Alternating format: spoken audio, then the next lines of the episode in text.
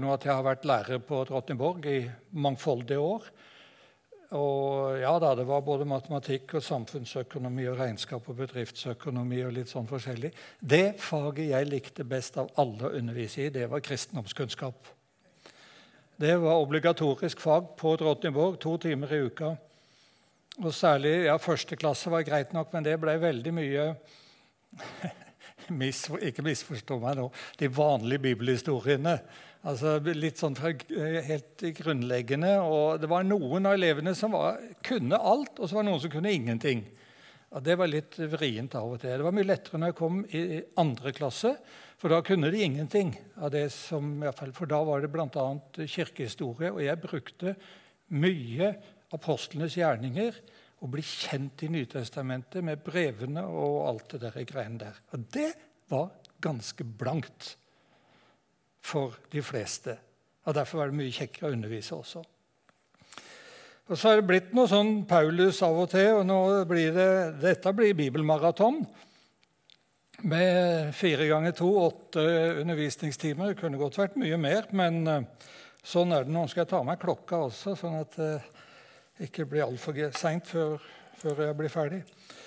Jeg skal få en liten pause. Uh, Altså, vi skal lære.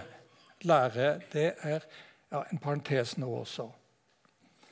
Nå skal jeg være forsiktig og diplomatisk i det jeg sier, men i vår tid, og kanskje før også, så er mye av bibellesningen gode ord.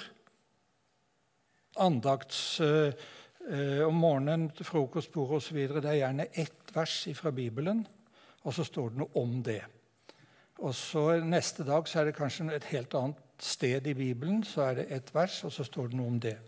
Og Så er vi kanskje på møter, og så får vi dagens tekst, som er noen vers. Men så blir det litt om det at det kan bli litt sånn Unnskyld uttrykket nå mannakornlesning og mannakornoppfølging i mye av kristenlivet vårt. Det er det, jeg òg. Men jeg tror at vi trenger Og det er en fordel, og det er bedre for bibellesningen hvis vi får litt overblikk over noe konkret det vi holder på med nå. Hvorfor skrev Paulus de brevene han skrev? Hvordan var menighetene? Når var det? Hva var hans livssituasjon den gangen? Altså, litt sånne ting, og Da blir det av og til litt lettere. Vi skal begynne i dag med noen av, prøve de to første misjonsreisene. Han hadde tre store reiser.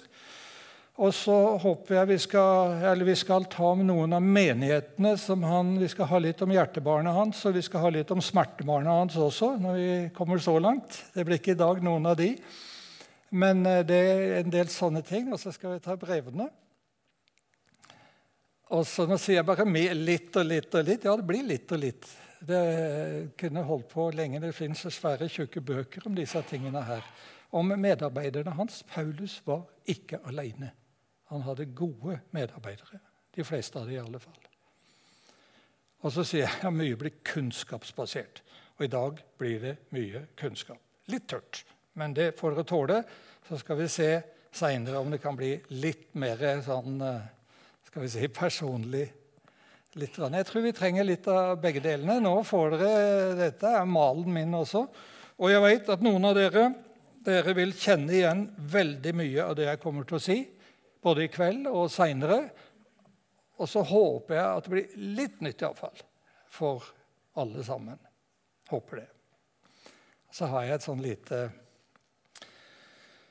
Jeg vet ikke hva jeg skal si for min egen del. altså Både forkynnelsen og i det hele tatt våre møter at det kan bli litt for hjernen, tanken, og at det kan bli litt for hjertet vårt. Begge deler. Vi er ikke bare en masse oppi hjernen, oppi hodet. Vi har også et hjerte, begge deler. Og at det kan være litt kommunikasjon mellom både hjertet og hjernen, det er iallfall det jeg håper også med disse kveldene, og for det meste mye av de tingene jeg holder på med. Nå, Paulus og Lukas. Hvorfor sier jeg Lukas i samme slengen som Paulus? Hvorfor er han med? Nå, sånn med en gang? Jo, det er fordi han er enormt viktig. Svært viktig. Og I dag så skal jeg ikke si mye om Lukas, men bare vent. Neste gang så skal jeg si en god del om han. Mye mer enn jeg gjør i dag. Men han, de to der de har skrevet mer enn halvparten av hele Nytestamentet. Og Hvis dere er i tvil, så bare tell sidene. Jeg gjorde det i går. Telte antall sider som de to har skrevet, og resten og la det sammen. Og de to tar mer enn halvparten. Det gjør de faktisk. Det er mye, det. Det er mye, det. Eh, Paulus han kjenner vi, han har skrevet 13 brev som vi har i vårt Nytestamente. Det er helt sikkert at han har skrevet flere. Men vi veit ikke hvor mange. For Det henvises til noen brev enkelte ganger som vi ikke kjenner.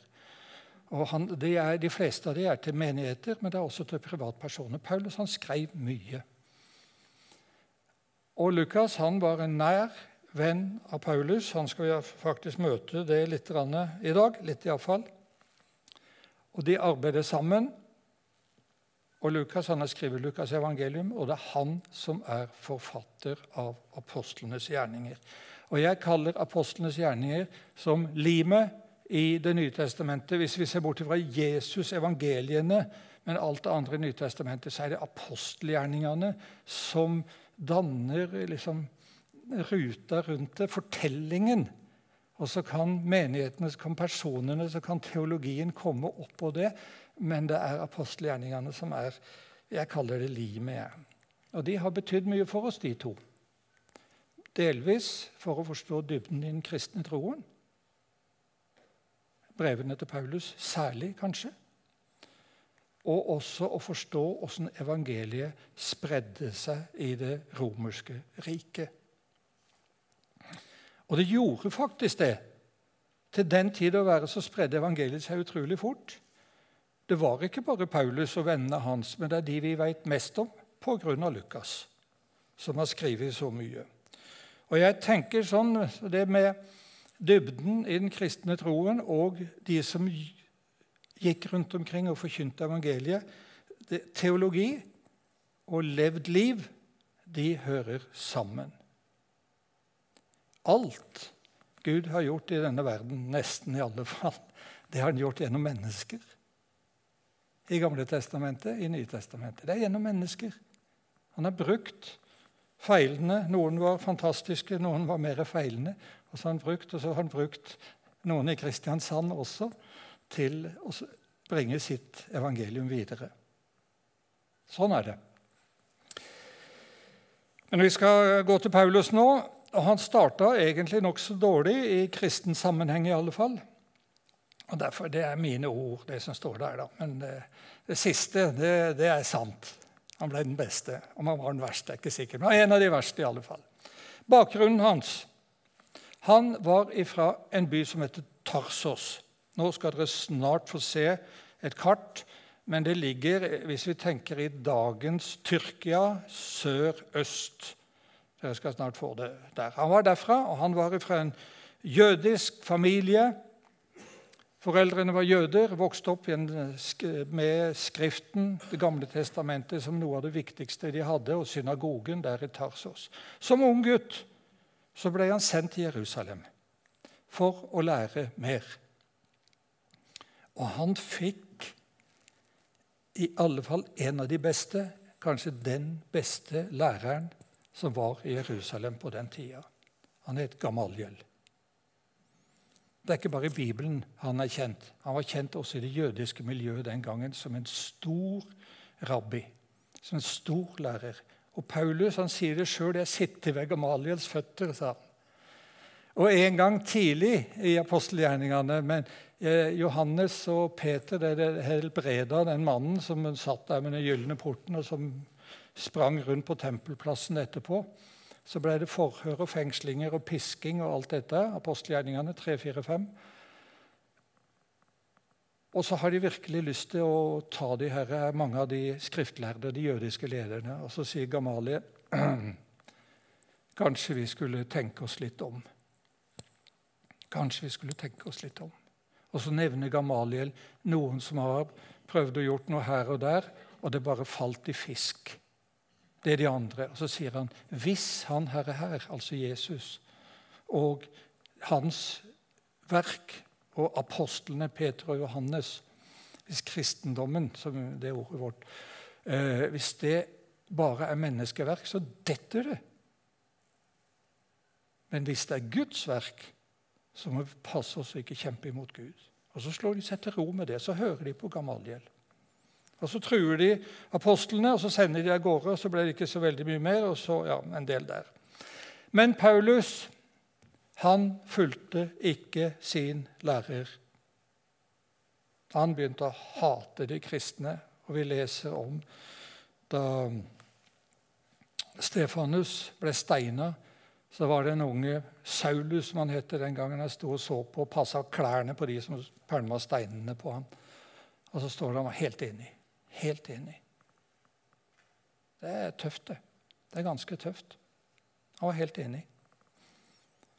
Og han var ikke bare enig i at de gjorde det, men han begynte sjøl i Jerusalem å dra folk ut av husene for å få de torturert, fengsla osv. Så sånne ting. Og så går han enda lengre, som dere husker de fleste av dere. Han ville helt til Damaskus. For der var det også en del som fulgte veien, som de sa den gangen. Og Så fikk han med seg soldater, og så drar han til Damaskus for å ta de kristne. Og Så skjer det noe når de nærmer seg Damaskus. Et lys, et lyn. Slenger han i bakken, og så ligger han der i støvet. Og så hører han stemmen 'Saul'. Saul, hvorfor forfølger du meg?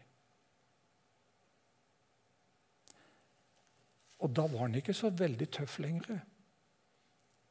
Og Så spør man, 'Hvem er du, Herre?' Han ligger der på bakken. 'Hvem er du, Herre?' Du som taler fra et eller annet sted. 'Jeg er Jesus, han som du forfølger', får han til svar. Jeg har prøvd noen ganger å tenke åssen opplevde han det? Johnny Cash har en sang om dette. 'Man in White'. Den kan dere høre når dere kommer hjem. Det er fantastisk. Akkurat den scenen eller det der, der som det bare skjedde. 'Jeg er Jesus', sier han. Så går han inn, blir leid inn av en blind, og så er det en fyr i, nei, unnskyld, i Damaskus, Ananias, som får et kall fra Gud og går nedover den rette gata nedover dit skal du finne en som heter Saulus. Gå inn til han. Nei, sier han. Det kan jeg ikke. Jo, det kan du, sier Gud. Og så gjør Ananias det. Han var sikkert full av redsel, stakkaren, da han gikk nedover. Så legger han hendene på Paulus, og så får han synet igjen. Og så skjer det noe i Paulus. for Han kunne Det gamle testamentet, han kunne profetiene, han kunne alt det. Og plutselig så detter prikkene på plass. Og Så tar han imot evangeliet, og så blir han døpt, og så får han mat. Han har ikke spist på tre dager, står det.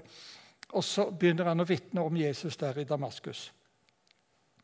Kallet til omvendelse og kallet til tjeneste ble avgjørende for Paulus. Han bruker den hendelsen der ute flere ganger seinere i livet sitt når han holder en taler, forsvarstale både til de jødiske ledere og til de romerske ledere osv., så, videre, så bruker han denne og sier at da fikk jeg et kall til å gå og forkynne evangeliet. Så går det en tid, og det blir jo trøbbel i eh, Damaskus. En del som begynner å motarbeide han. Han overbeviste de store om at Jesus var Messias, og det var det ikke alle som tålte å høre. Og Så blir det problemer, og så må han flykte. og Så blir han heisa ned over muren en natt. Og så kommer han til Jerusalem. Og så oppsøker han apostlene. Og hva gjør de for noe? De gjør sånn. Det gjør de. Ingen av de ville ha noe med han å gjøre.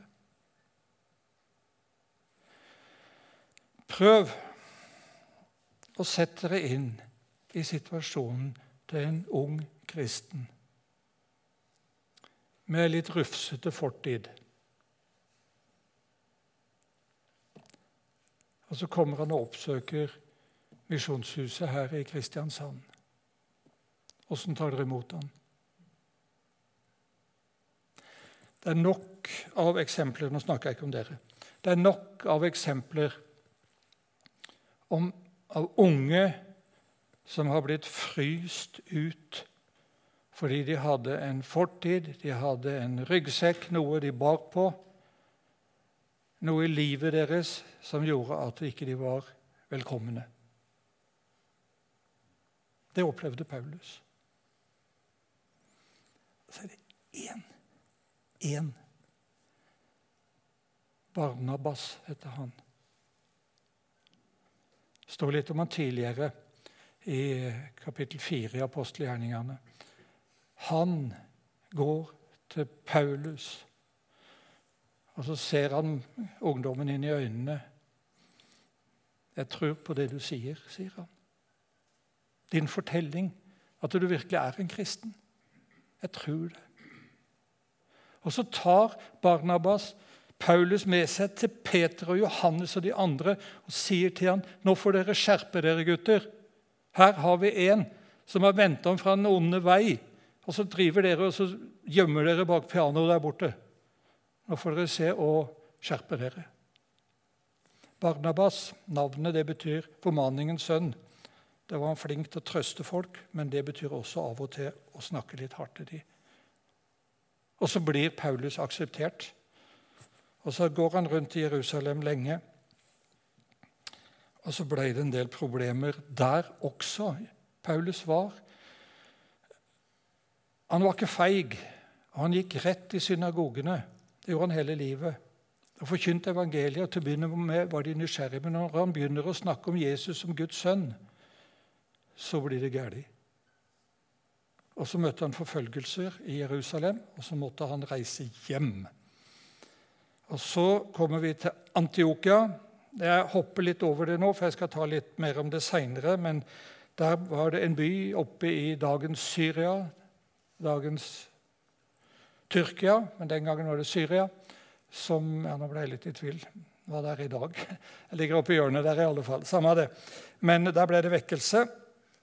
Og så tar vi det nå fra kapittel apostelgjerningene 13 til 21. har vi de tre misjonsreisene. Det var ikke tre småturer. Det er en periode på røftlig ti år vi snakker om. De reisene der. De er lange.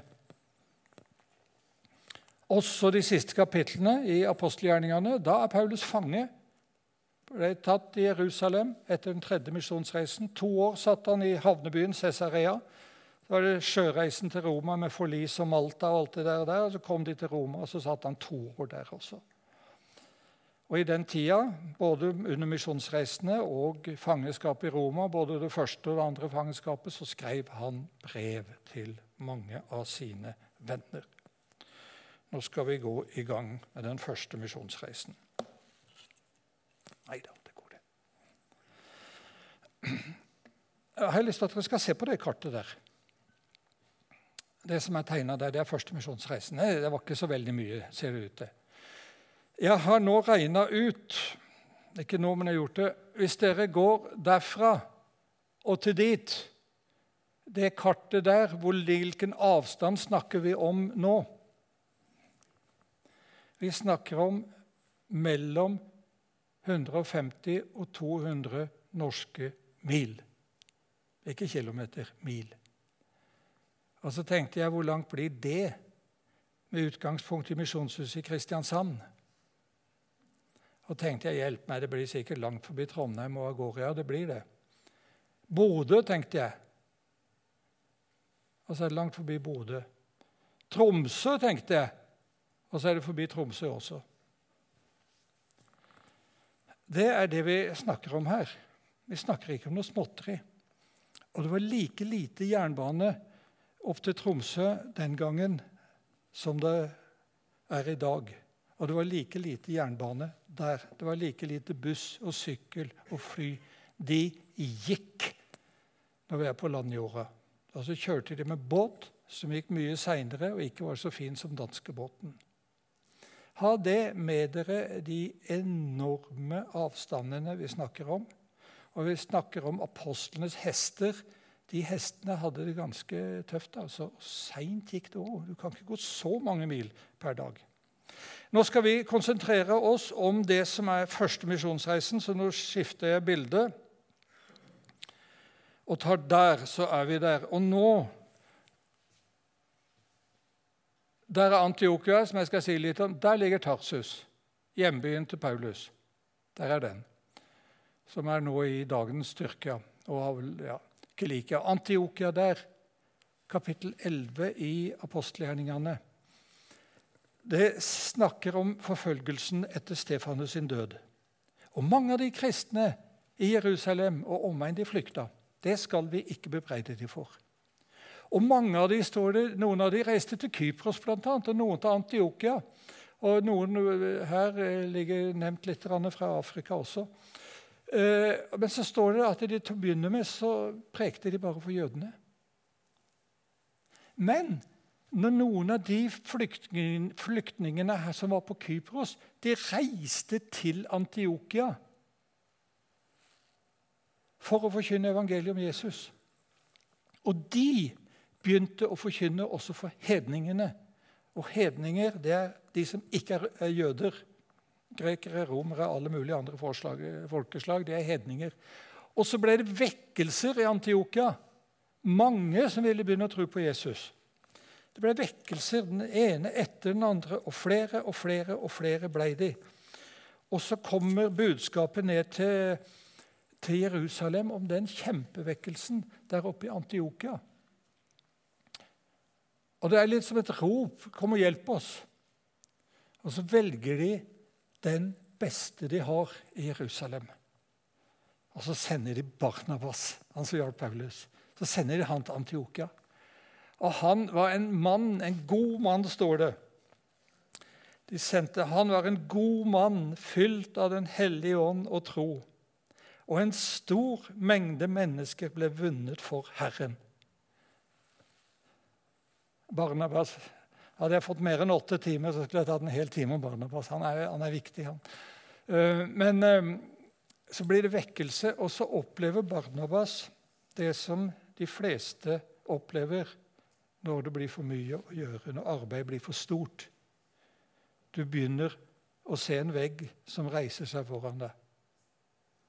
Og så sitter Barnabas er litt fri og Nå gikk det gærne veien. Jeg er vekk med det. Sånn. Uh, og så sitter Barnabas her i Antiokia og sier, 'Hva skal jeg gjøre? Jeg klarer ikke alt.' Yes. Yes. Han er der. Han er der. Og så reiser han over til Tarsus. Og så henter han Paulus og sier, 'Paulus, nå er det din tur.' Nå blir du med meg til Antiokia. Og så skal vi sammen jobbe der. Og så gjør de det. Og så blir det en, et veldig stort år der. Og de vokser og vokser. Det der står det i Bibelen. Første gang at de blir kalt for kristne. Navnet kristne på oss og sånn, det oppsto der i Antiokia. Pga. hele halve byen snakket vel om Kristus og Kristus og Kristus og alt dette greiene her. Og så skjer det noe. Og så en gang når de har møte i menigheten der Det er nevnt flere navn. Så kommer Guds kall til dem, som sier at evangeliet det er ikke bare for dere. Det er mange som ikke kjenner Herren. Og Så begynner det å bli en uro i flokken. Og så står det at Den hellige ånd sa til dem, ta og send Barnabas og Paulus til de oppgavene som jeg har kalt dem til. Og Da tror jeg det hadde vært veldig lett for de i Antiokia, de kristne, sa nei, vi kan godt sende noen andre, men ikke de to. Det er jo fedrene våre, det. Det er lærerne våre, det er støttende, søylene. Det er jo de vi lener oss til. Vi kan ikke sende de beste vi har. Jo, det er akkurat det dere kan. Og så gjør de det. Og så sender de de beste de har, ut for å forkynne evangeliet på nye plasser. Og Så reiser de til Kypros. De hadde ba for dem og la hendene på dem og velsigna dem. Og så reiser de til Salamis, står det, og så går de over øya og kommer til Pafos. Der er den romerske guvernøren Sergius Paulus heter han. Og Det er en trollmann der òg. Dere får lese det sjøl i kapittel 13. Der er eh, han, og så blir det ja, mye greier, vi får bare si det sånn. Men den romerske guvernøren på Kypros blir kristen. Han er ikke den første hedning i historien, men han er den første romerske guvernøren i alle fall, som ble omvendt til kristendommen. Og nå skjer det en liten endring. Det var Barnabas, Barnabas og Paulus hele tida. Nå, fra nå av er det Paulus og Barnabas. Jeg skal ikke si mer om det. Nå er det Paulus. Og Han heter jo egentlig Saulus, men nå er det Paulus, for nå skal de inn i den greske verden. Og så reiser de derfra. Og her oppe i området De hadde med seg en hjelpegutt som heter Johannes. Johannes Markus, han var fetter til Barnabas. Han har vært med på, han har vært med helt fra Jerusalem her og opp dit og var med hit og hit og kom dit. Og så sier han 'jeg orker ikke mer'. Og så reiser han hjem til Jerusalem. Ok, det gjorde han. Men de to de reiser videre. Og så kommer de opp til Antiokia i Pisidia. Der er Antiokia, der er Antiokia. Antiokia i Syria, Antiokia i Pisidia. Det er pga. en general som heter Antiokus. Alexander den stores, en av hærførerne og alt det der greiene. Kristiansand og Kristiansund og sånt. Det er sånn der. Så det er to Antiokia. Nå er de oppe i innlandet der, Antiokia i, i Pisidia. Da er vi i kapittel 13 nå. De reiste, kom til Perge, står det, og der forlot Johannes dem. Og Så kom de videre og så kom de til Antiokia. Og på sabbatsdagen gikk Paulus i synagogen som han pleide. Og så sitter han og Barnebas der. Og så har de kanskje hilst på synagogeforstanderen litt på forhånd, det er mulig. Men når selve synagogegudstjenesten eller den er ferdig, eller nesten ferdig, så kommer han synagogeforstanderen ned og så sier du, har dere noe dere har lyst til å si. Kanskje Paulus hadde fortalt at han var elev til Gamaliel. hva vet jeg. Nå kan dere få lov. Og Så går Paulus oppå her og så tar han på seg denne her. Og så holder han en lang tale.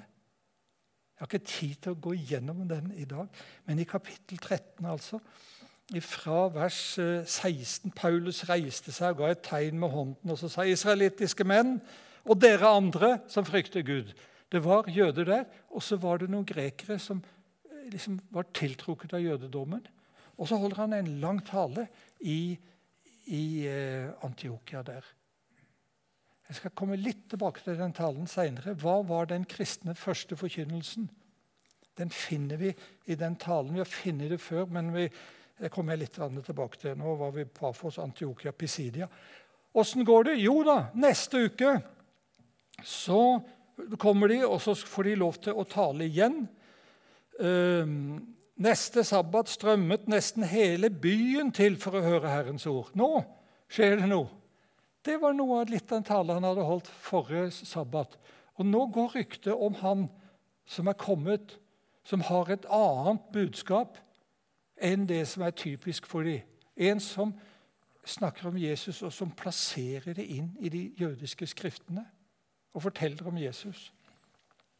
Hele byen, omtrent nesten hele byen, kom for å høre Herrens ord. Det blei for mye for de jødiske lederne. At alle mulige barbarer kommer inn. og for å være grenser. Vi kan ha noen litt sånn fine folk som kommer, men hele gjengen kommer. Det der, og der gikk ikke. Og Så er det forkynnelsen til Paulus også de har begynt å reagere på. Og så blir det motstand. Og så vel blir de jagd vekk. Så blir de jagd vekk og reise derfra. Hvor lenge de har vært der, vet vi ikke. Kanskje en måned eller noe sånt. nå. Og så må de reise til Ikonium, og den har jeg bestemt meg for å bare hoppe over. og så kommer vi til, Der ble det også bråk. Ja, det ble alltid bråk. Og så kommer de til Lystra, en by der. Og der kommer det en lam mann, eller de møter en lam mann. har vært lam helt fra fødselen av, står det. Og Så legger Paulus hendene på han, og så blir han helbreda, og så går han. Og da blir det liv i befolkningen. De roper at gudene har blitt mennesker og kommet fysisk til oss. De er guder, de to. Og De kaller Barnabas for Sevs, hovedguden, for han var litt gammel og grå. eller et eller annet sånt. Og Paulus var litt uh, yngre, så han kaller det for uh, Merker på latin uh, Ja, nå stoppa det opp. Hæ? Hermes, ja. Der var det. Takk skal du ha. Eh, Hermes, altså budbringeren, han som taler det som Sevs og de andre skulle si.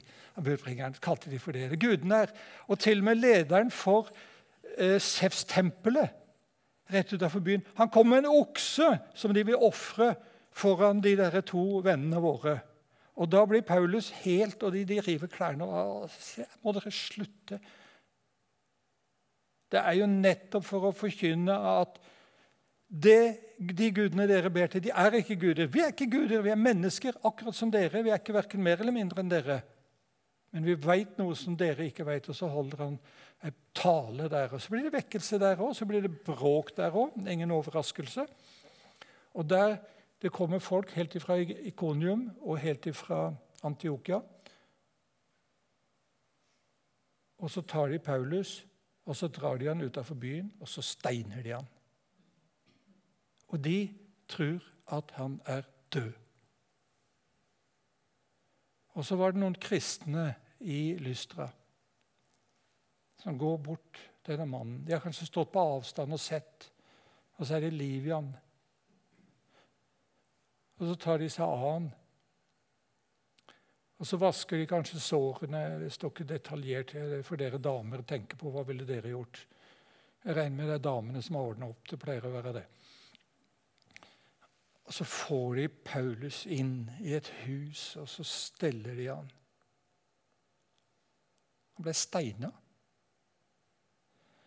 Og så står det neste dag så gikk han til Derbe.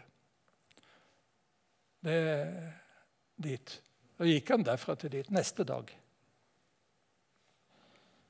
Og så har de vært i Derbe ei stund. Og så reiser så sitter de i Derbe. Og vet du hva det de burde gjort? Vet du? Det var jo selvfølgelig Etter alt det spetakkelet her så burde de reist hjem. Det var det de gjorde, burde gjort. Men de gjør ikke det.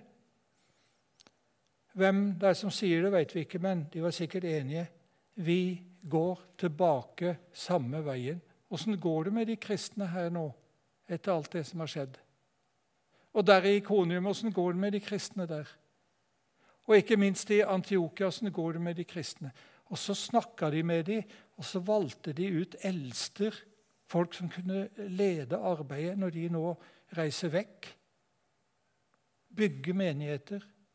Og kanskje de til og med lovte vi skal komme tilbake og besøke dere.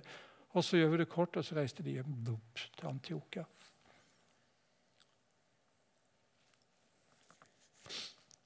Tar jeg fem minutter nå? Kan jeg det? Går det, Er tida ute? Ja, vi tar fem minutter. Dere klarer det, gjør dere ikke det? Og Derbe det var det, og så var det tilbake til Antiokia i Syria. Apostelmøte i Jerusalem. Det ble bråk mange steder.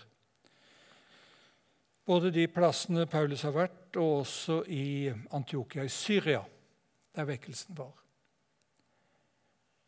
Det var en del jødekristne som var litt sånn eh, Ja, de var glad for at hedningene ville tro på Jesus, men, eh, men eh, det var liksom ikke helt ordentlig med dem. Det var ikke helt ordentlig. Det var en del De må jo bli sånn som oss, sa de. De må jo bli sånn som oss. Det er flott at de tror på Jesus, men de må bli sånn som oss, sier disse jødekristne.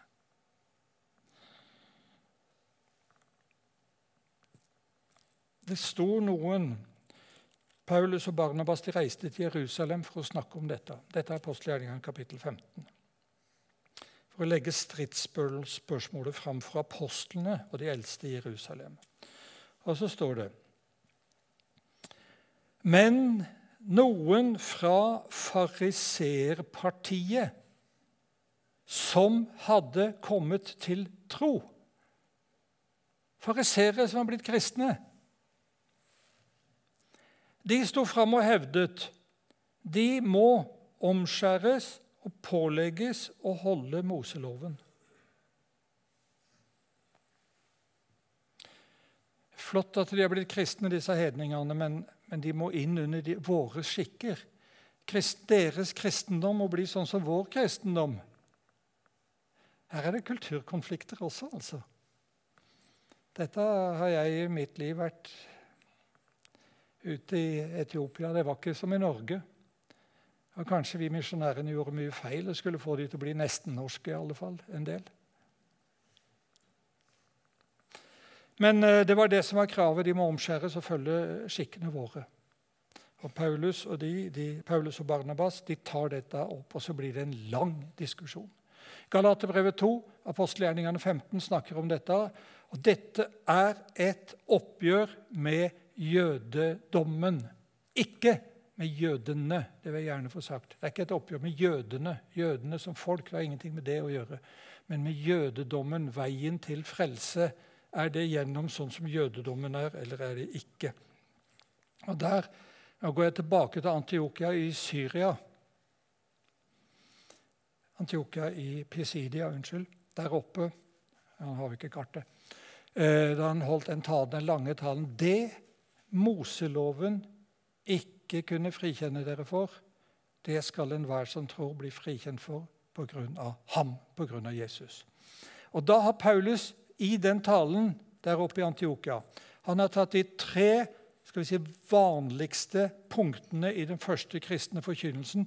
Jesus er oppfyllelsen av profetiene i Det gamle testamentet. Han er den lovede Messias. Det er, går igjen i de første kristne forkynnelsen. Jesus beseira døden og sto opp, og han lever i dag. Dette også går igjen. Peter og de på tempelplassen og alle de til. Jesus lever. Og så kommer Paulus skal vi si, og føyer til det tredje grunnholdningen.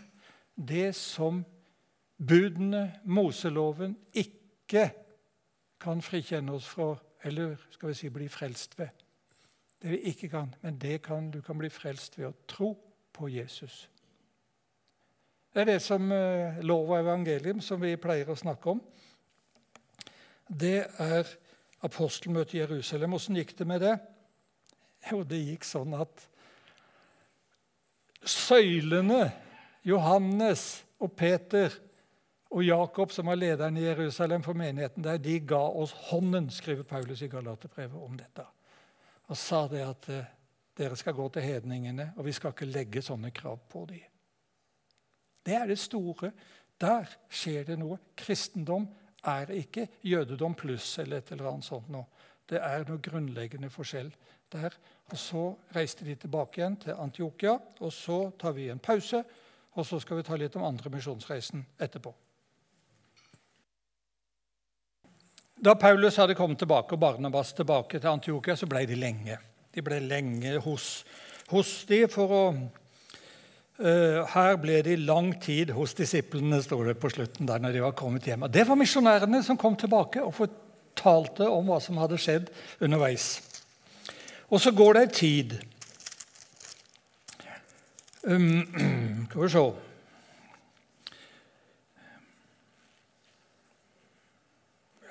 Etter en tid sa Paulus til Barnabas.: La oss dra tilbake og besøke våre søsken Brødrene står det egentlig, men det er samme det. Besøke våre søsken i alle de byene hvor vi har forkynt Herrens ord, for å se hvordan det går med dem. Hva er det han sier for noe? Vi skal tilbake til Antiokia, og Ikonium, og Lystra og Derbe og disse for å se åssen det går med dem. Følge opp menighetene. Jeg kunne snakka en halvtime om, om misjonsarbeid i dag, men det skal jeg ikke gjøre. Eh, å følge opp hvor viktig det er. Og så sier Barnabas ja, det gjør vi. Den første misjonsreisen de vet ikke sikkert, men ca. halvannet år tror jeg denne, regner, eh, det, denne her, her kom til å vare i ca. tre år. Det som vi kaller den andre misjonsreisen. Og Den starter som den første i Antiokia. Den menigheten er viktig. Det er der tredje misjonsreisen også starter, i Antiokia. Hedningekristne som sier at evangeliet er ikke bare for oss, vi må gå videre, vi må sende disse misjonærene våre. Og de sendte sikkert mange andre. Men det, det ble en fryktelig dårlig start på andre misjonsreisen. Og det har med en person å gjøre. Johannes. Han som hadde vært med på halve den første var ikke det engang, en del av den første misjonsreisen. Han som reiste hjem til Jerusalem. Til mor. Mora heter Maria. hjem til mor.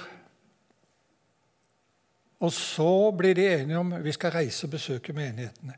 Og så sier Barnabas, 'Du, Paulus, jeg tror vi skal ta med Johannes Markus.' Hæ? Johannes Markus, han som var med oss forrige gang. Han som reiste hjem. Vi gir han en ny sjanse. Ny sjanse. Han har fått en sjanse. Han får ikke flere. Hør her, Paulus. Alle kan svikte. Han er blitt to år eldre nå. Vi gir han en mulighet til å bli med. Nei, det gjør vi ikke, sier Paulus. Kan du fatte og? Begynner misjonærene å krangle. Skikkelig krangel. Han er helt ubrukelig, den fyren. Og så skal vi begynne igjen. Vi kommer ikke halvveis til det vi har tenkt engang, før han sier 'jeg må hjem til mamma'. Unnskyld meg, Barnabas, jeg veit det er fetteren din, men han der, der tar vi ikke med. Det gjør vi, sa Barnabas. Jeg gjør det. Og så skiller de lag. De gjør det. De skiller lag. Krangel, skikkelig krangel, mellom to av Guds viktigste vitner.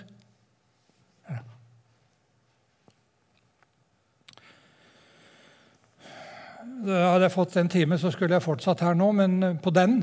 Men det får jeg ikke, så det får heller være. De skiller lag. Og Barnabas tar med seg Johannes med tilnavnet Markus, som det står. Så tar de han, og så reiser han til Kypros, der de var på første misjonsreisen. Og Paulus han tar med seg en som heter Silas.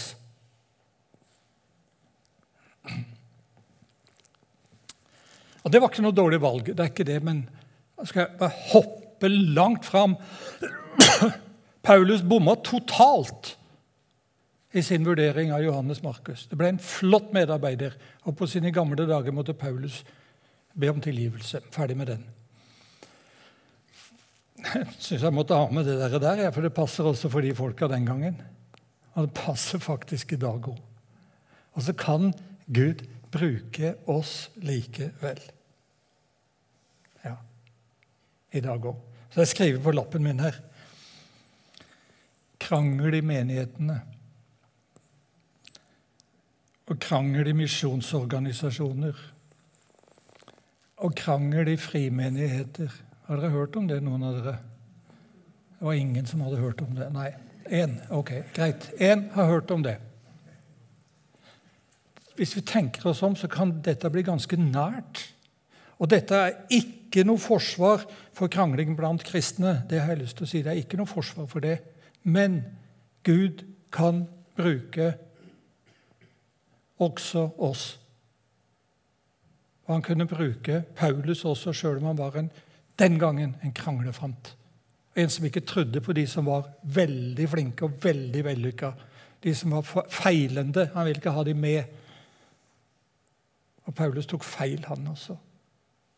Men han var ikke ubrukelig i Guds rike. Og Barnabas han er stor på Kypros i dag. Han er stor på Kypros. Der har dere andre misjonsreisen. Og de gikk Hørte dere hvilket ord jeg brukte? Ja, det var det de gjorde.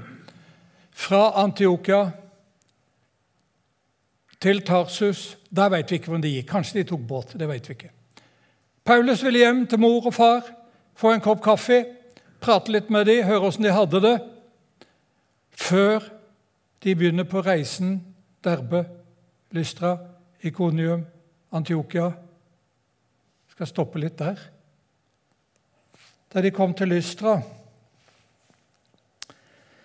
der var det en disippel som het Timotius. Han var sønn av en troende jødisk kvinne, og faren var greker. Søsknene i Lystra og Ikonium hadde bare godt å si om han. Slå den. Guttungen, jeg vet ikke, 16-17 år kanskje. Jeg vet ikke hvor gammel han var, iallfall ungdom. Alle hadde bare godt å si om den gutten. Og så går Paulus til han, treffer den her da, snakker med han. Sett deg ned nå. Du, kan du tenke deg å bli med Silas og meg på en lang reise? Vi skal forkynne Guds ord. Kan du tenke deg å bli med oss? Det er langt. Men vi trenger en som kan fly på markedet og handle litt, og en som kan ordne opp med forskjellige ting. Vi blir mye opptatt med forkynnelse og sånne ting, men litt praktisk. Jeg får spørre mamma, og så gjør han det. Og så sier mamma ja, og så blir han med. Og så veit vi han ble guttungen framfor noen til Paulus. Kanskje den aller nærmeste medarbeideren Paulus hadde. Han begynte som en ungdom, og så ble han med på reisen herfra Lystra og kanskje Ikonium. Og mora sa 'god tur', bussen går snart. Og så dro de dit. Og så hadde Paulus en tanke, det er helt opplagt, det står det, at han ville forkynne ordet i Asia. Dette er Lille-Asia. Og det er ingen tvil om hvor Paulus hadde tenkt seg. Han hadde tenkt seg til Efesus. Dit var den største byen, hovedbyen i den svære provinsen der. Dit ville han. Og så står det i kapittel 16 der apostlenes gjerning at Den hellige ånd hindra de. Den hellige ånd hindra de. Et eller annet. Han kunne han ikke skrive hva det var, da, Lukas, men han gjør ikke det. Han sier hva Hellige ånd hindra de. To ganger står det om det. Og så måtte de legge om reiseruta. og så vet vi ikke detaljene her, for det står bare han reiste opp i områdene her. Og til slutt så havna de i Troas, havnebyen der. Og alle dager skulle de dit. Det var dit de skulle. Og så havner de der. Det er noe som har skjedd. Gud som har stengt ei dør én gang. Ja, men jeg har bedt til Gud mange ganger, for jeg vil til Efesus og forkynne evangeliet. Og så skjer det noe som det blir motbakke, og ikke bare det. Det blir altså skikkelig vanskelig. Men det blir noe sånn, da. Og så går de dårlig, og så havner de i Troas. Ja. Og jeg, igjen så sier jeg, hva skal de der? Nå Klarer dere nå å ha bildet? Liksom, nå skal jeg skjære av og bare vise det dere der. Er dere med herfra? Og det der greiene der? Bortover nå er vi der. Nå skal vi ta noe glimt fra den reisen som Paulus har når han kommer her til Troas. Vi er i apostelgjerningen kapittel 16.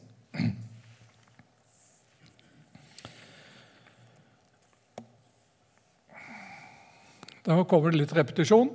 Sånn. Besøker menighet for første reise. Timotius 16.1-5. Og ville til Efes og havnes i Troas. Der skjer det noe. Paulus treffer en lege. Og Det kan godt hende noe av problemene med Paulus hvorfor det ble sånn. Det har vært mange gjettinger at det har noe med sykdom å gjøre. I Galaterbrevet så skriver han at det, altså med synet dere hadde revet, det ville gitt meg nye øyne, skriver han omtrent i Galaterbrevet. Kanskje det var noe øyesykdom, noen tipper på malaria, et eller annet. Derfor de har lagt om reiseruten, hele greiene. Og i troa så treffer de en lege. Han legen han var ikke fra Troas. Kirkehistorien sier at han var fra Antiokia i Syria, der hvor den store vekkelsen var. Og han heter Lukas. Han er i Troas, legen. Og det ser jeg for meg var et hjertelig gjensyn. Og Paulus er ikke sikkert han visste at Lukas var i Troas engang. Og så kommer han og Silas og Timotius, og de kommer der, så treffer de Lukas. Sånn, vet dere, og greier. Og så står det om natta. Om det var første natta, det er ikke sikkert, men det er iallfall en natt. Og så Paul, får Paulus et syn. En mann herifra som står og sier, 'Kom over hit og hjelp oss'. Her ligger Paulus og sover, og så blir han vekt av det synet. 'Kom over og hjelp oss'. Er det noe her? Kanskje er det det? Så begynner kanskje noe. Så forteller, Lukas, nei, forteller Paulus om det synet han har hatt. Jeg skal ikke spørre hvem som er norsklærere her. Nå skal dere få høre. Det var det 'Kom over til Makedonia og hjelp oss'. Hør nå her, nå skal jeg legge trykk på det jeg leser, så da skjønner dere det, også dere som ikke er norsklærere. Da han hadde hatt dette synet, forsøkte vi straks å komme til Makedonia, for vi skjønte at Gud hadde kalt oss til å forkynne evangeliet der. Vi stakk til sjøs i Troas med kurs for Samotrake osv. Så, videre. så, ja, så reiser de Hva skjedde nå? Og Hva skjedde? Nå er jeg i tredje misjonsreise nå.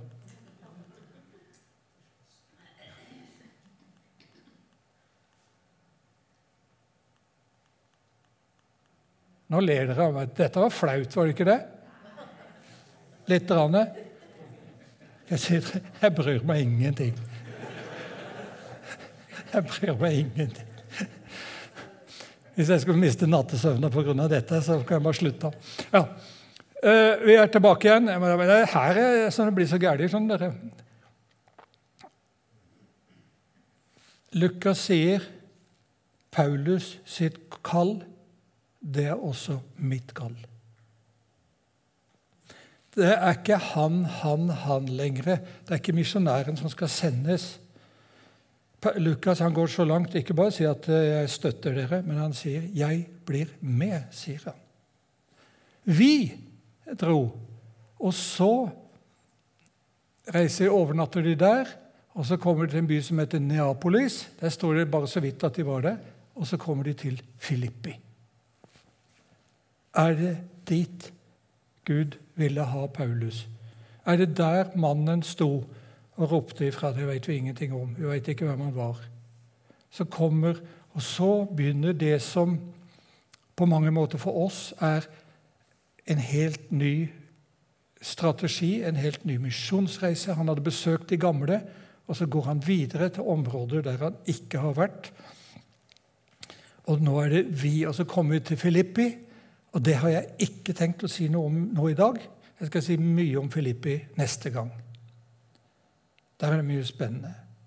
Jeg pleier å si litt sånn Det er Paulus sitt hjertebarn. Filippi-brevet kaller vi for gledesbrevet. Men jeg sier ikke mer om det nå. Men de kommer til Filippi og blir der en god stund. Der dannes det en menighet som det er mye godt å si om. Og så reiser de fra Filippi via Amfipolis og Apollonia. Nå skulle jeg likt å visst om mange av dere som kjenner de to byene. Det er nevnt bare så vidt i starten av kapittel 17, så ikke bry dere om det. Men øh, øh, da de da har vært gjennom her Det er ikke de stedene her som er målet for Paulus, men han vil til Tessalonika. Der. Storbyen. Og Nå er vi altså i kapittel 17 i apostelgjerningene. Der var det en jødisk synagoge. Og Paulus gikk dit som han pleide. Overalt hvor Paulus kunne finne en synagoge, så gikk han dit først. Han var sjøl jøde. Jødene var hans eget folk. Og Romerbrevet 10 og der omkring så leser vi altså han hadde en nød for sitt eget folk. Og alltid så gikk han til synagogen først og forkynne evangeliet der. Tre sabbater hadde han samtale med dem ut ifra Skriftene. Og det er ikke ut ifra Nytestamentet, det er ut ifra Gamletestamentet. det. Og så viser han at Jesus er Messias. Jesus er den som er lovt. Og forkynner han evangeliet. Og så blir det vekkelse i, i Tessalonika. Han åpnet Skriftene for dem og forklarte at Messias måtte lide og stå opp ifra de døde. Og denne Messias, sa han, er Jesus, han som jeg forkynner for dere. Åssen gikk det?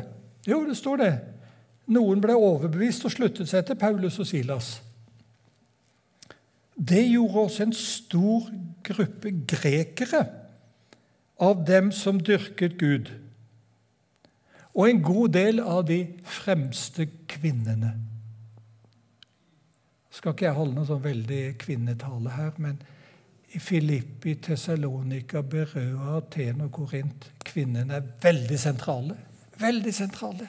De var det hele tida. De lå der. Og nå kommer noen av de fremste, fine bydamene fra grekerne. Så blir de kristne, de også.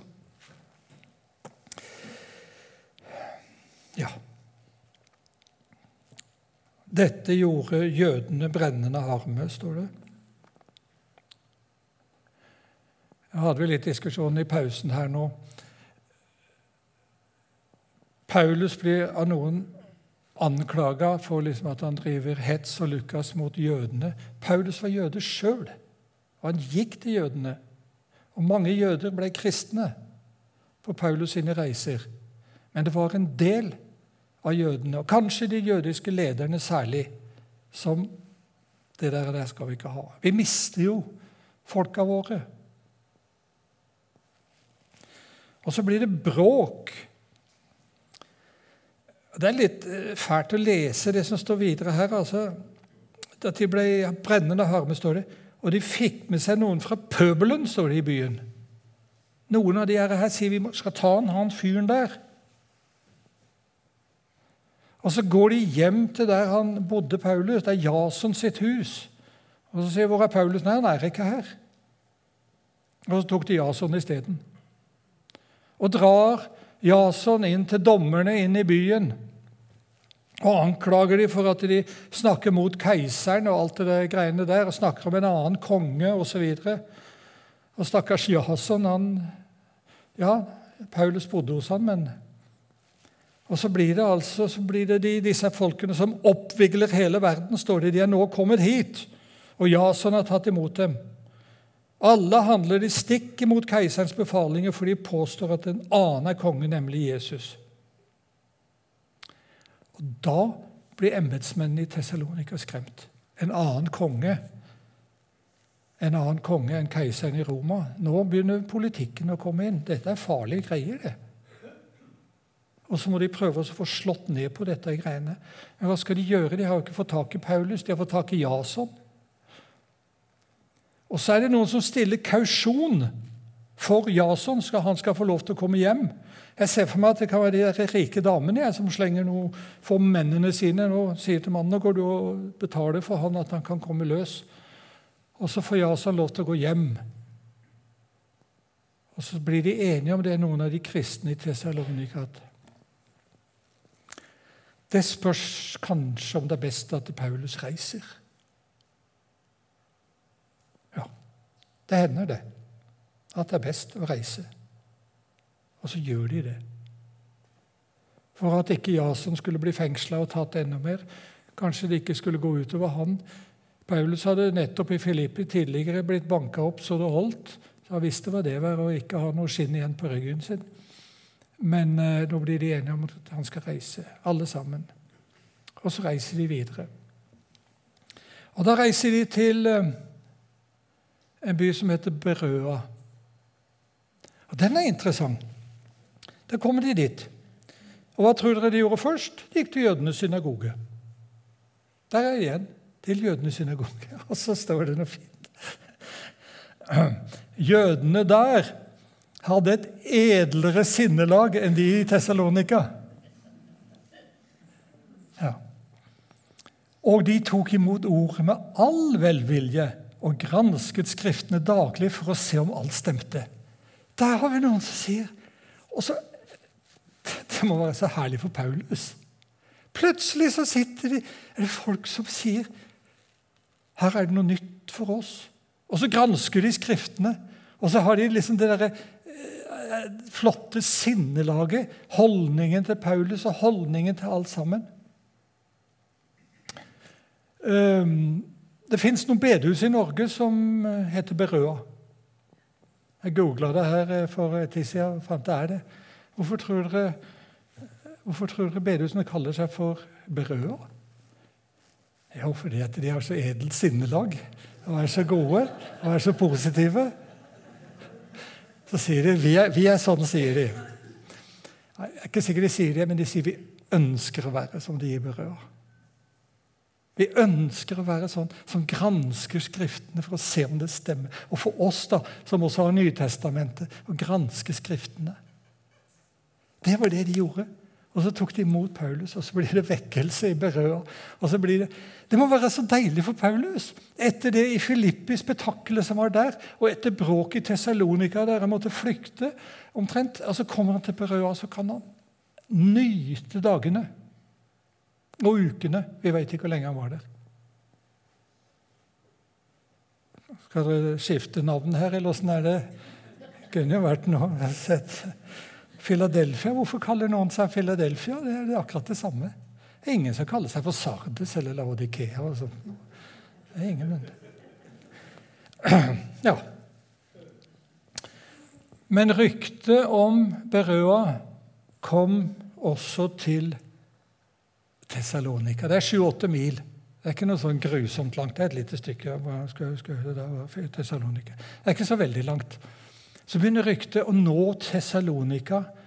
Og da settes det i gang enda en aksjon.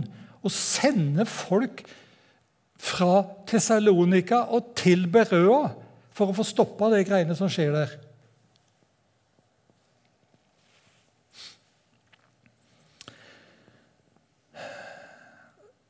Og så står det straks sendte brødrene Paulus av gårde for at han skulle dra ned til kysten. Paulus, dette blir farlig. Ikke for oss, ikke bry deg om oss, men det blir farlig for deg. Fordi dere kommer derfra en del gjeng med pøbelen og en del andre for å ta det. Reis, reis, Paulus. Og så kan Silos og Timotus de kan få lov å bli igjen. De kan få lov å bli igjen. Det er ikke de som er så farlige. Det er deg de vil ta. Ok, sier Paulus. Og så følger de Paulus ned til kysten der, for da gikk det akkurat en båt som skulle helt ned til Aten. Og så står de ikke på kaien og vinker til Paulus, men de blir med. De følger Paulus helt ned til Aten. Om de, hva de var innom og sånn blås i alt det der, men noe sånn noenlunde. Båten gikk neppe over land der, men uh, et eller annet sånt så kommer de ned til Aten. Aten! Paulus er helt alene nå. Er helt alene. Nå reiser de andre opp igjen. Og så De andre dro tilbake med beskjed til Silas og Timotus at de skulle komme til han så snart som mulig. Det er, bare for å ha sagt det, Nå ble det mye båt, men herfra opp til Tessalonika er det 54 norske mil. Så dette er ganske store avstander. Og så kommer Paulus til Aten, som en gang hadde vært en storby, en berømt by. Og så kommer han dit. Og Så begynner han å gå i byen, se seg om. Og så sier han 'hjelpe meg'. Og så er det et tempel til en eller annen gresk gud der, og så er det et alter til en annen gresk gud der, og så er det der og der, og så går han nedover Storgata der, så der er det alter og tempel. Mange guder har de her folkene. Og så kommer han til et tempel, og hvem er det til? Det ble en ukjent gud. Ja vel. De har liksom helgardering, disse grekerne. Helgardering. Alle gudene vi har, pluss sikkert noen til som ikke vi veit om, så lager vi et tempel, et alter for han også, eller for de. Og Så begynner Paulus å stusse. Og så står det litt flott om Paulus her. 1, 2, 3 blir det nå. Vers 17 i kapittel 17. I synagogen igjen altså, førte han samtale med jødene. Og så står det på torget. Så snakka han med de som han traff der. Han gikk på torget, han. Spurte mye appelsin og bananer kosta og alt det der greiene der. Ikke sikkert han kjøpte noe, så begynte han å prate med dem. Folk, vanlige folk på torget. 'Åssen har dere det?' 'Hvem er du?' 'Ja, jeg kommer langveisfra', osv. Så videre, sånne ting. Ja. Jødene på, i synagogen, også på torget. Og så snakka han med filosofene. Filosofene ja, det, Det er epikureerne og stoikerne og alle de her rare filosofene som dreier på med alt mulig. Og det står jo, de, de gjorde ikke noe annet enn å prate heller, de folka der. Det var rike folk, de fleste av disse filosofene. og de Slavene gjorde alt de skulle. Kunne de prate om alt mulig hele dagen lang. Og så gikk Paulus til de også, for å snakke med de. Og så sier de dette var pussige greier du driver på med. Kan du bli med oss Vi er i Aten. Kan du bli med oss til Areopagos og snakke litt med oss litt mer offisielt og høre hva det er for en lærer du har der? Ja, jeg blir med. Og så blir han med. Og så får vi litt utdrag av den talen han holdt for filosofene der på Areopagos-høyden. Det er interessant å være i Aten. En liten høyde ikke langt unna Akropolis. Og Så går det ei trapp opp der, og rett ved den trappa så står det ei sånn kobberplate eller noe sånt. Og så står talen til Paulus der. Før du kommer opp, så står talen. Sånn kan du lese den. Eh, jeg har ikke lest den der, for der står den på gresk. Men eh, ja, og så begynner han å tale til de filosofene i Aten. Det som er litt spesielt ja, For det første så begynner han innledningen at 'jeg skjønner at dere er religiøse', sier han. Jeg skjønner, jeg har aldri sett så mye alter og templer i noen plass som dere har her. Det skjønner jeg. Men det var ett alter som tok tak i meg, sier han. Det var alteret til en ukjent gud. Og så sier Paulus omtrent rett ut den guden kjenner jeg. Den guden kjenner jeg. Jeg veit hvem han er. Han dere fjerne som dere ikke får tak på. Jeg kjenner han. Og så begynner Paulus å forkynne evangeliet. Og noe som er veldig spesielt her han nevner ikke Det gamle testamentet med ett ord i talen sin. Ikke et pip, sier han. Men han snakker om han som har skapt alt osv. Han er ikke fjern, han er nær osv. Og, og så begynner han å forkynne. med mange. De, de filosofene hadde ikke Det gamle testamentet. Det var ikke noen referanse dit. Og så forteller han, så forkynner han evangeliet for de her. Gud som skapte verden, og i ham som gir liv og ånde, alt til alle osv. Og, og så forteller han om at uh, han er ikke langt borte ifra Han er nært. Det, akkurat det der, er litt nært for meg. For i Etiopia, da vi kom første stedet Det var helt nytt område evangelisk sett. Gud visste de om. Waka han visste de om. Waka hadde god greie på han. Eller det vil si de hadde iallfall at han fantes. Han som skapte jorda. Og så var det lange historier hvorfor, men han var så langt borte. Han var så langt borte. Det var grunner for det. Det var menneskene som hadde gjort noe gærent. Så hadde han trukket seg langt vekk. Vaka heter sa romerne. Og så kunne vi komme med evangeliet at Gud er ikke langt borte. Han kom hit til jord. Og så får vi Jesus-fortellingene, får vi Jesu død på korset, får vi oppstandelsen. får vi det. Gud er ikke langt borte. Det er akkurat Aten. Det er akkurat det samme. Gud er ikke langt borte. Han er nær ved. Han kom og ble kjød, som det sto i gamle. Han ble et menneske, sånn som oss. Gud ble menneske. Og når han begynner med det, Paulus, og aller mest når han snakker om at det er han som kom hit til jord og ble korsfesta og sto opp igjen den tredje dagen, da sier filosofene Nå tror jeg vi, du kan gi deg. Ingen står opp ifra de døde. Nei vel. Men han gjorde nå det. Da de hørte om oppstandelsen fra de døde, står det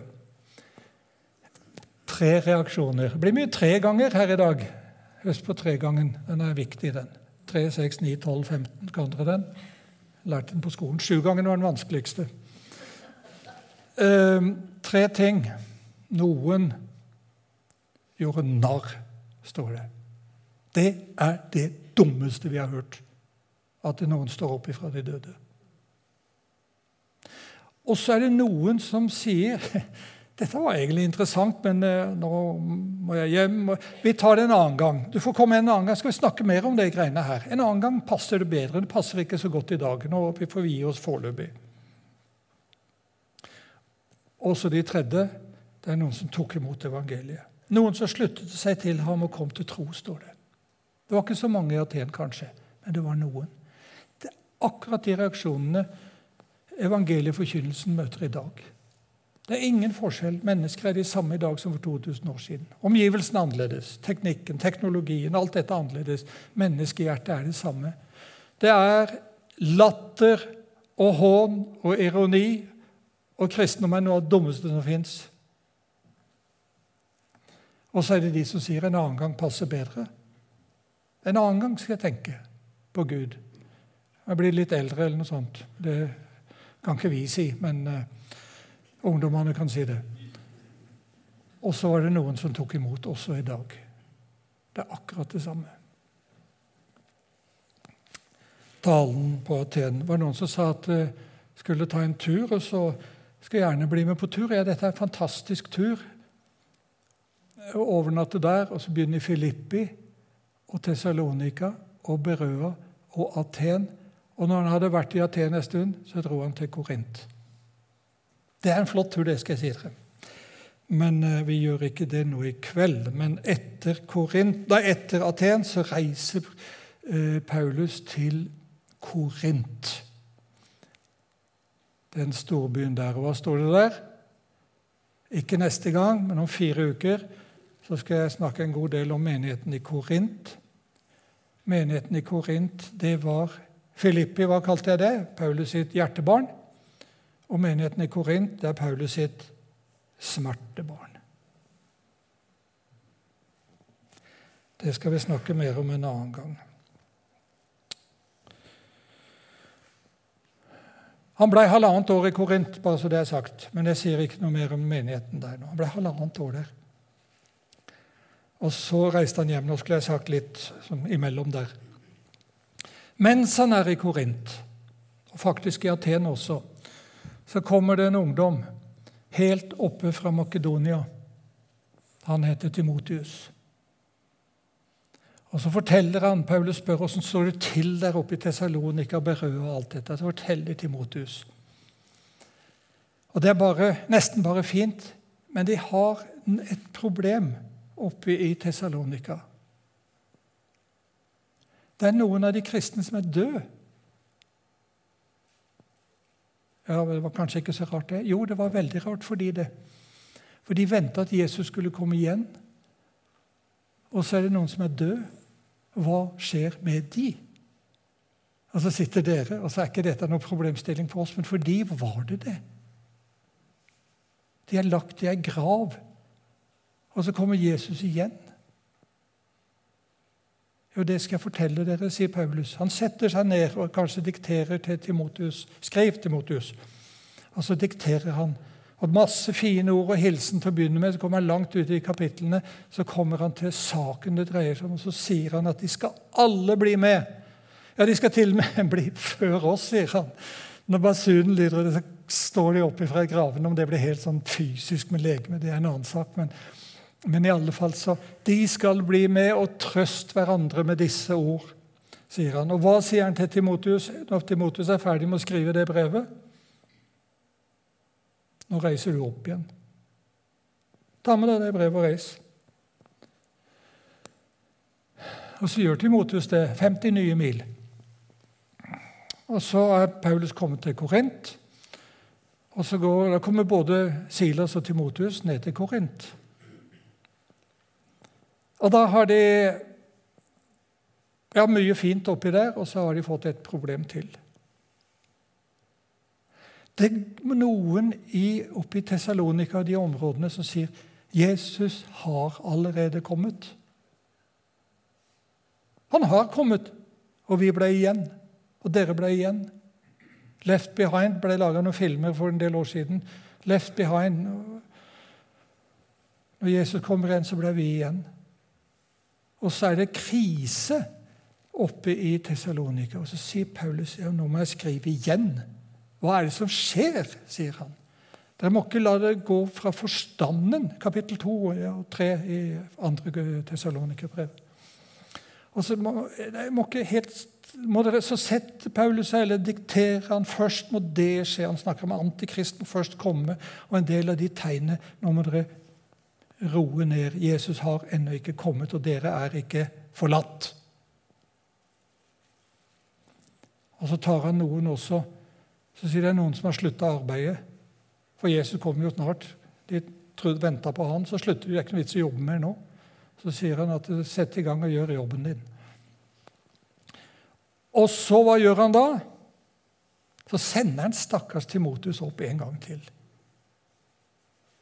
Men det var viktig Og Det er de to eldste brevene vi har fra Paulus. Og Det kan dere ha som lekse til neste gang. kan dere lese de to brevene. Men så reiser etter halvannet år så reiser Paulus hjemover til Antiokia. Og da er han innom Efesus litt. Og så har han tatt med seg et ektepar. Et ektepar som heter Priscilla og Akvilas. Her kommer han ikke opp. Nei, samme det. Så tar han med seg et ektepar som han har samarbeida med i Korint, og så plasserer han dem i Efesus. Nå skal dere begynne her. Jeg reiser tilbake til Jerusalem og til Antiokia, men nå skal dere begynne her, for jeg kommer tilbake nesten så fort jeg kan, sier han. Og så begynner de i Efesus å jobbe litt i det stille, og det kan hende vi skal snakke om en annen gang. Og nå reiser jeg også hjem, og så kommer jeg tilbake om to uker. Skal vi folde hendene våre. Kjære Jesus. Takk for eh, det som vi kan lese om, at du brukte både de som var rolige, og som kunne ta seg av folk i alle situasjoner, og så brukte du de som hadde mye temperament også. Og så ber om at du må fylle oss med din ånd. At vi i våre liv og med våre ord og med den vi er, at vi kan få vitne om deg. Må du la lyset ditt skinne på oss, i oss og gjennom oss. Jeg ber om det, Jesus. Amen.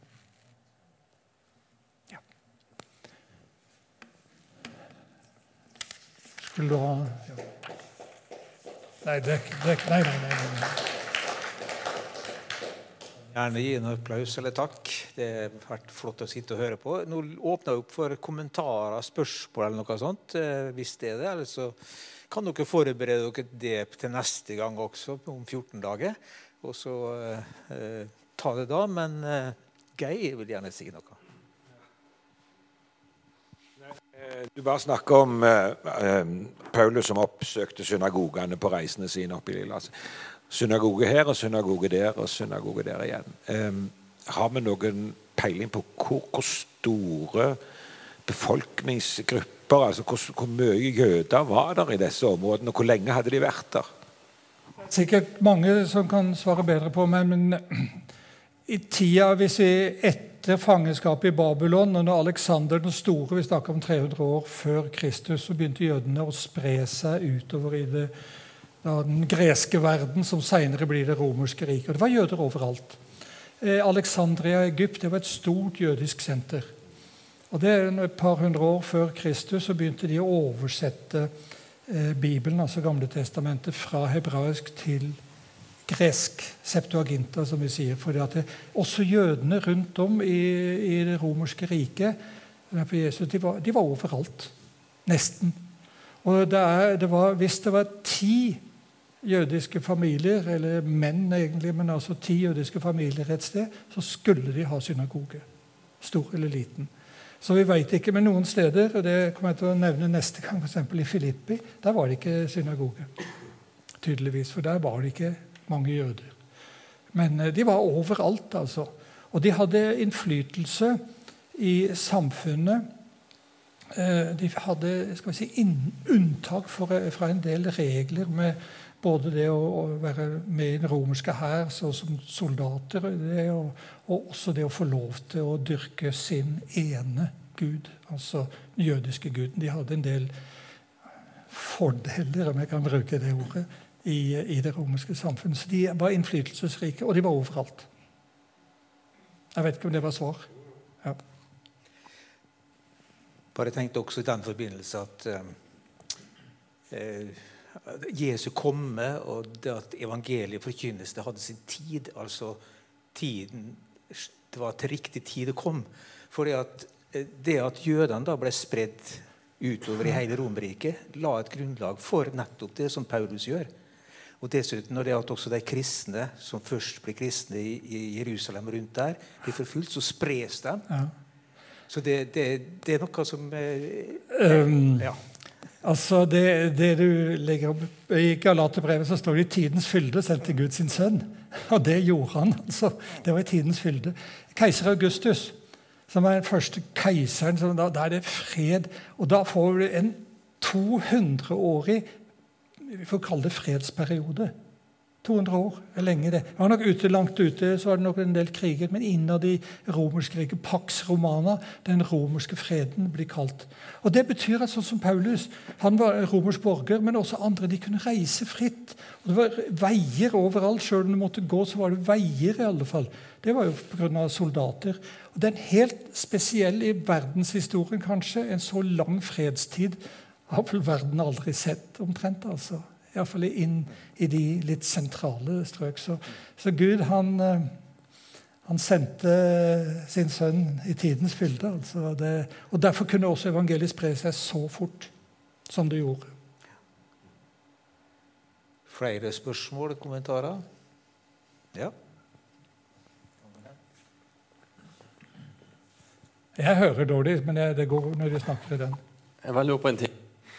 Eh, det er Lukas som har skrevet dette apostelens gjerninger. Men, og han, eh, Paulus han dro jo ut fra Antiokia sammen med Barnabas og Silas. Og, og så kobla han på Timoteus etter hvert. Og så når du snakker om at han kom til Troas, så møtte han Lukas, den legen. Men så lurer jeg på hvordan har han fått uh, informasjon til å skrive disse her dette brevet? For har Lukas fulgt med Paulus hele tida?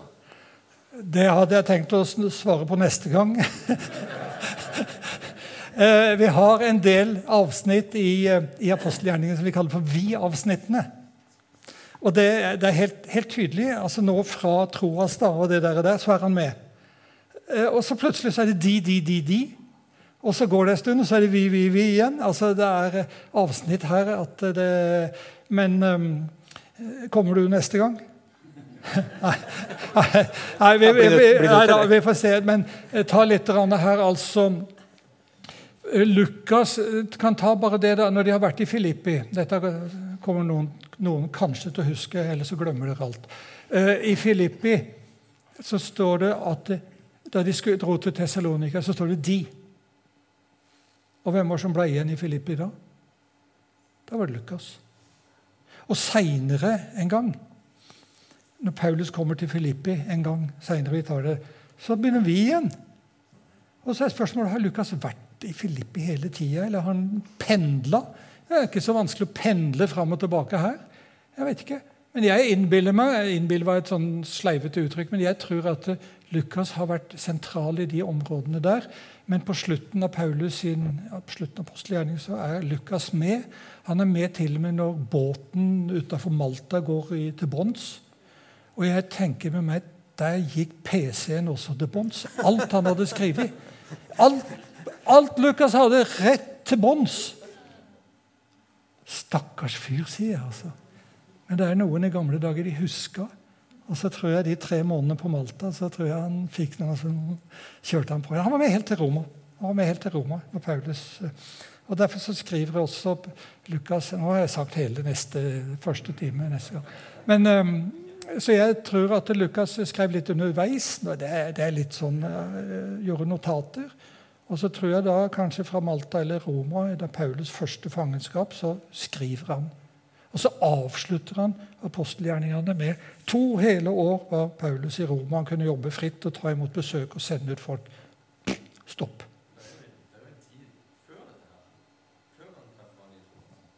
Ja, men uh, han, han, forteller jo Paulus sin historie. Og når Paulus sitter ja, Nå må jeg gå tilbake, jeg gidder ikke. Men uh, Cesarea, to år når Paulus var fange der, så er Lukas der. Og hvem hva er det Lukas skriver i begynnelsen av Lukas' evangeliet? Han sier han har oppsøkt øyenvitner. Og jeg tror han brukte de to årene i Cesarea ganske godt. altså, Å snakke med øyenvitner for å sjekke. Og sånn. Og da tror jeg, altså Lukas' evangeliet er jo det han har fått antageligvis der. Og Paulus forteller, og kanskje i første del av apostelgjerninga, som er Johannes og Peter og dette, de var i området mer og mindre. Så jeg, jeg tror rett og slett han oppsøkt kildene, for å si det enkelt og greit. Og at han delvis var med sjøl. Han sier jo sjøl at han brukte mye tid på å undersøke at alt var riktig sånn som han fortalte det. Ja, altså, nå skal jeg ikke reklamere altfor mye, men jeg har skrevet litt om dette. Og, og der sånn, på side et eller annet som ikke jeg tar, så han Tykikos som var med, han spør Lukas sitter du alltid og skriver. Jeg er nødt til det, sier Lukas, for ellers så glemmer vi. Vi må få det ned, så det kan bli huska for neste generasjon og de senere generasjonene. Jeg husker ikke hvilken side det står på. Ja. Jeg tror Lukas skrev mye underveis, men jeg tror også han brukte ja. Når du sier det, eh, det, alt det du har sagt hittil, og de siste sekundene, så tenkte jeg på å grunne. For han godeste Lukas han mista jo både rubbel og rakke, men kanskje han gikk og grunna? Spørsmålstegn. Hva for noe var som Han gikk og grunna. Han gikk, ja, ja, ja. På, han gikk ikke på grunna, men ja, Paulus, ja. Nei, Lukas, ja. Det var det jeg kom til å tenke på mens du snakka. For det er jo ikke så dumt, det. Ja, Der kan vel du svare akkurat like mye som meg. For vi veit ikke eh, detaljene. Vi vet ikke det, Men det vi veit, det er altså, som jeg sier, at han var sammen med Paulus. Og det er klart at de ikke bare grunner, men de snakker også. Eh, de går eh, dagevis og ukevis. De kan jo ikke bare gå. De må jo i det minste spise litt av og til og prate. Og jeg er sikker på at de snakker mye, altså. Eh, og i alle fall å ta på båtreisene da, når de slapp å gå, så sitter de der på dekk. Og at det, det Ja, jeg tror rett og slett eh, og han, Les begynnelsen på Lukas evangeliet, så ser dere hvordan han jobber. Ja, han har oppsøkt kildene. Han var lege, men han var også en veldig dyktig historieforteller. Han skrev jo historier. Ja, jeg har jo av og til lurt på hva gjorde legene den gangen. men jeg har ikke lyst til å si noe mer om det. Er det flere som har spørsmål eller kommentarer? Eller så skal vi ta oss og runde av der, tror jeg. Men eh, jeg har lyst til å si en hjertelig takk, Odd, for at du kom her og hadde disse to første timene. Så ser vi veldig fram til å følge deg tre andre datoene med to timer hver gang. Eh, og så syns jeg det er så flott at du tegner dem Jeg er også glad i de lange linjene i Bibelen. altså Det er ikke bare inn i et skrift, for så vidt, eller inn i apostelgjerningen, men du innom apostelgjerningene, innom et brev, innom apostelgjerningene, ser historien som går gjennom det hele, sånn at det ikke blir oppstykka ting ja, det... som får, men det er en fortelling som gis oss, rett og slett. Ja. Tusen hjertelig takk for eh, det du har gitt oss i dag. Og så ser vi fram til om 14 dager til samme tid. Og velkommen igjen. og så får ryktet spres her, som nevnte i en sammenheng her, at eh, vi kan få enda flere med oss til å være med på denne fantastiske reisen. Takk for nå.